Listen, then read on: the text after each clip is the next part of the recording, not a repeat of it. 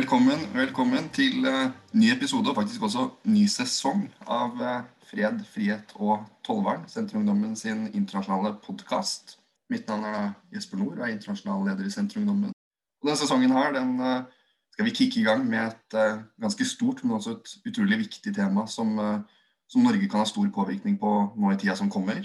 Vi skal nemlig snakke om Kina. Og på vei ut av koronapandemien så ser vi jo at Kina faktisk er en av få land som uh, har klart å oppnå en økonomisk vekst. og Det er også spådd at uh, Kina kommer til å være den største økonomien i verden innen svært få år. Og For å diskutere temaet her litt, så har vi to gjester. Uh, først så har jeg lyst til å ønske velkommen til deg, Ingrid Nikoline Sand. Takk. Hyggelig å være her. Hyggelig å ha deg med. Og du sitter jo i internasjonalt utvalg i Senterungdommen. Hva tenker du egentlig om, eh, om den situasjonen vi, vi, ser i Kina nå? Nei, altså jeg syns jo det er eh, ja, kanskje litt, eh, litt, delt når man ser det bildet man får fra, fra Hongkong og det man hører fra Tibet og Øst-Turkestan.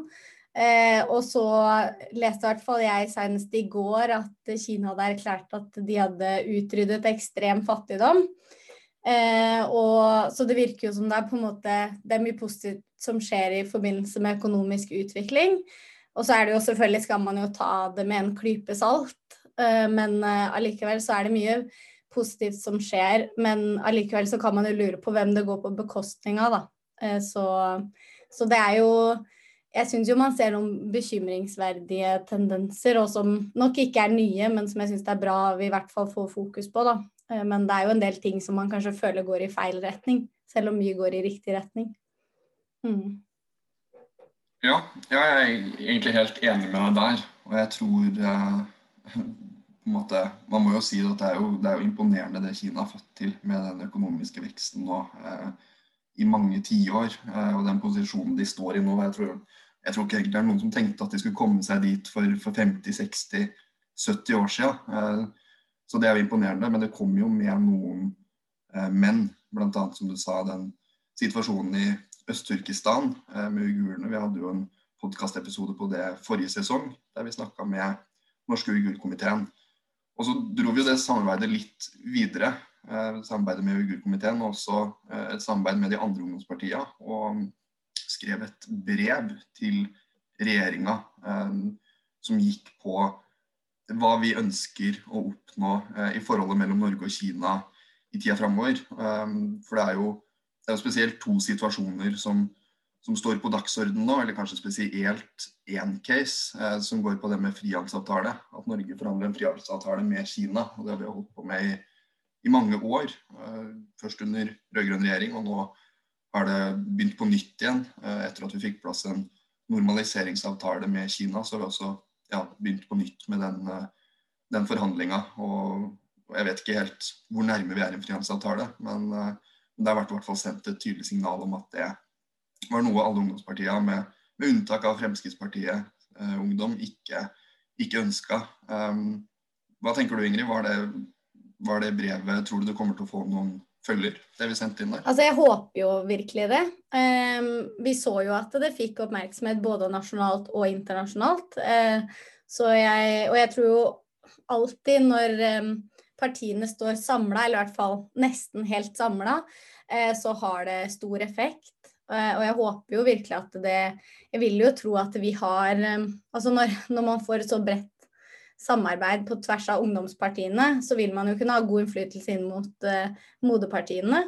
Um, så det er jo nasjonalforsamlinga vår det da kan påvirke. Så, så, jeg håper jo virkelig at det, det får konsekvenser. Og uh, forholdet mellom Norge og Kina er jo komplisert. Det har jo vært det. Vi, Norge var vel ganske tidlig ute med å på en måte erkjenne uh, Kina, eller um, Så men så har det jo vært noen oppturer og nedturer, for å si det sånn. Og da særlig det som har hatt med menneskerettighetsforkjempere ja, å gjøre, da, og men, brudd på menneskerettigheter. At de gangene Norge har på en måte er, er kjent, eller eh, ja, særlig gjennom fredsprisen, da.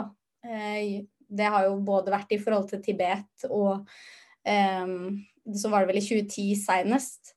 Um, og det, det, har jo liksom påvirka, man kan jo lure litt på om det er et forhold som er verdt å opprettholde på den måten når de tinga som ødelegger for det, er på måte brudd på menneskerettigheter, og at når det blir påpekt, eller at man fremhever menneskerettighetsforkjemper, at det, er det som skal ødelegge et forhold, da, da kan man jo si at det kanskje ikke er et sunt forhold. Um, så nei, så jeg håper det har, um, har, en effekt. Så det blir spennende å følge med på videre. Mm.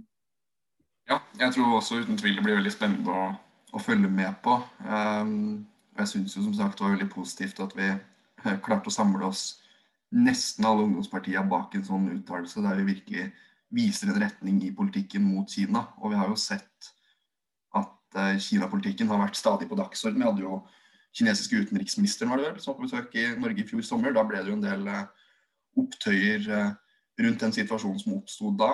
Um, og så har vi jo nå litt den mediedekninga som, som, skjedde rundt det brevet. Jeg var jo og holdt en appell på, på den pressekonferansen da vi la fram det brevet som var sendt til regjeringa fra en rekke organisasjoner og, og nesten alle ungdomspartiene. Og kanskje spesielt det jeg har tenkt mye på, er jo det med den handelsavtalen. altså på hvilke premisser skal vi handle med andre land. Og der har jo fall vært helt klare på at uh, vi har ikke lyst til å handle mer utstrakt med Kina og gi dem en god deal i en frihandelsavtale så lenge de holder på med de menneskerettighetsbruddene som foregår, og brudd på ytringsfrihet, overvåkning av befolkning osv. Uh, og det er jo litt lignende det vi har sagt på f.eks. Mercosur. ikke sant, at uh, Når urfolk undertrykkes og når regnskogen hogges ned i rekordtempo, så, så, har ikke vi lyst til å gi de landene i Mercosur en uh, en bedre deal enn det de har i dag.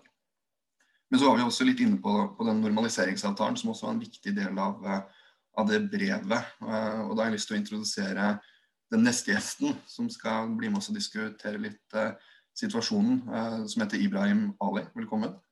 Tusen takk. Takk. Du sitter jo i sentralstyret til, uh, til Senterungdommen. Hva, hva, har du noen tanker om, om den normaliseringsavtalen? Det, var det klokt av oss å gå for å si opp den normaliseringsavtalen? Jeg tenker det er utrolig viktig at vi sier opp normaliseringsavtalen. En, eh, også fordi det er ganske usannsynlig å se for seg at Norge kan inngå en frihandelsavtale med Kina samtidig som vi har en normaliseringsavtale. Fordi det vi har sett eh, med Kina, er jo at de landene som kritiserer deres brudd på menneskerettigheter, f.eks. Australia, Eh, de får sanksjoner på seg i form av økt tariff og brudd på de handelsavtalene de har inngått bilateralt. Og vi ser jo at Kina er veldig opptatt av å inngå handelsavtaler for å deretter kunne bruke dem som et sanksjonsmiddel.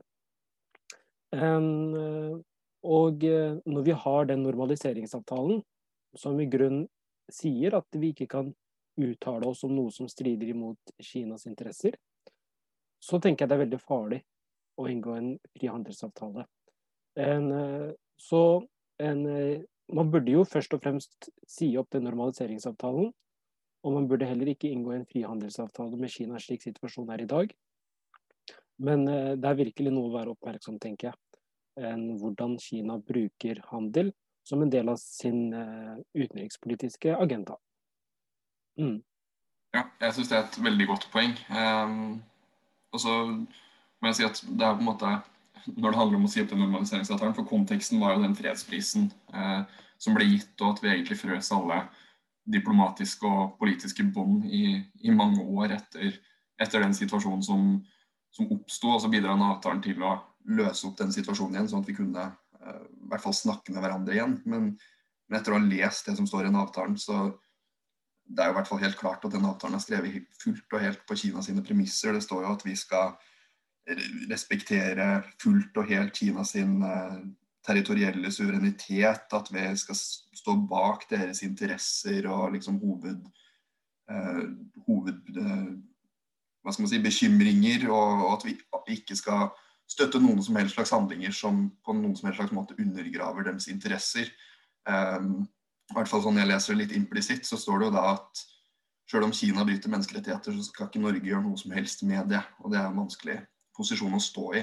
Um, kanskje spesielt nå som jeg kom inn i Sikkerhetsrådet og fått den uh, plassen der. Hva tenker dere om det? Uh, kommer det til å endre bildet nå for Norges del? Ja, altså, for det er jo nettopp det jeg tenker at uh, vi sier jo at vi vil gå inn i Sikkerhetsrådet fordi vi vil løfte opp menneskerettighetene. Vi vil sette det på dagsorden. Um, og vi vil bruke vår stemme der til å fremme en, det vi mener er menneskerettigheter som alle sammen har fundamentalt rett på. En, men det kan ikke vi gjøre hvis vi på en måte har slike avtaler som ikke andre land har.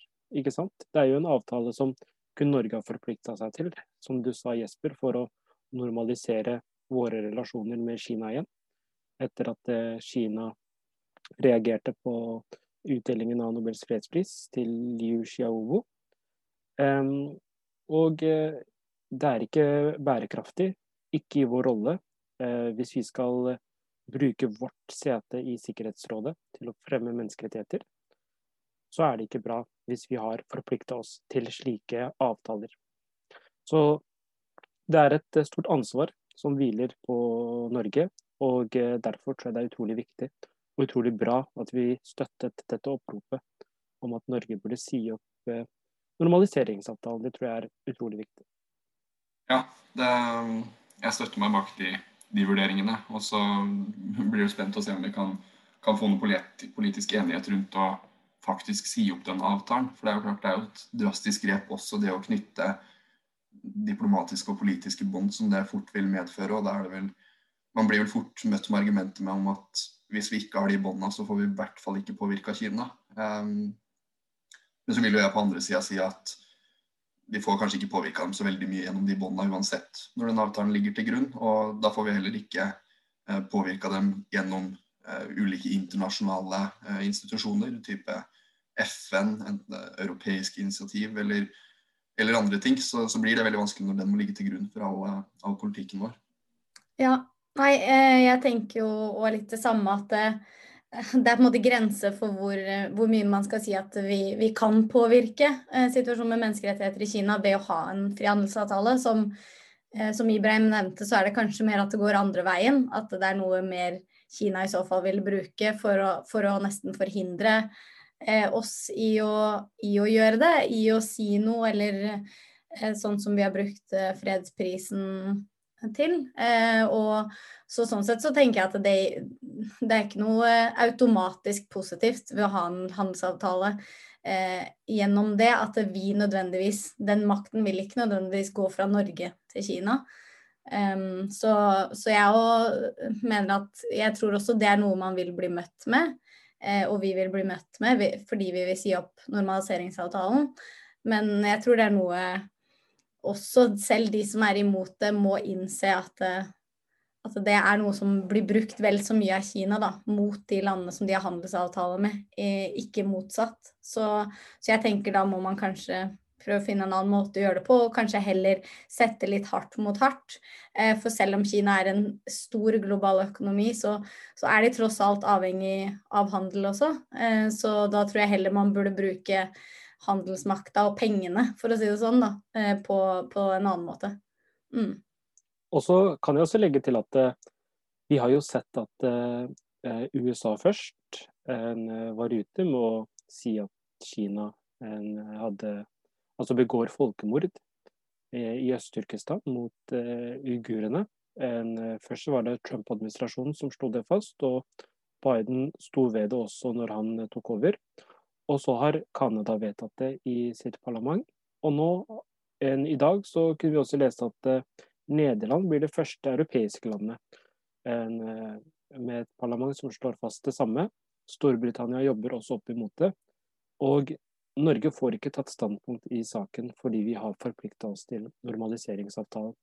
Så vi kan se også hvordan dette her henger sammen en, eh, med hvordan vi kan ta et standpunkt i saken, enn noe som er vanskelig, eh, slik situasjonen er. Eh, og Det illustrerer det slik jeg ser det, med hvordan andre land nå begynner å snakke om dette her, og ser alvorlighetsgraden i det som skjer i Øst-Turkestan.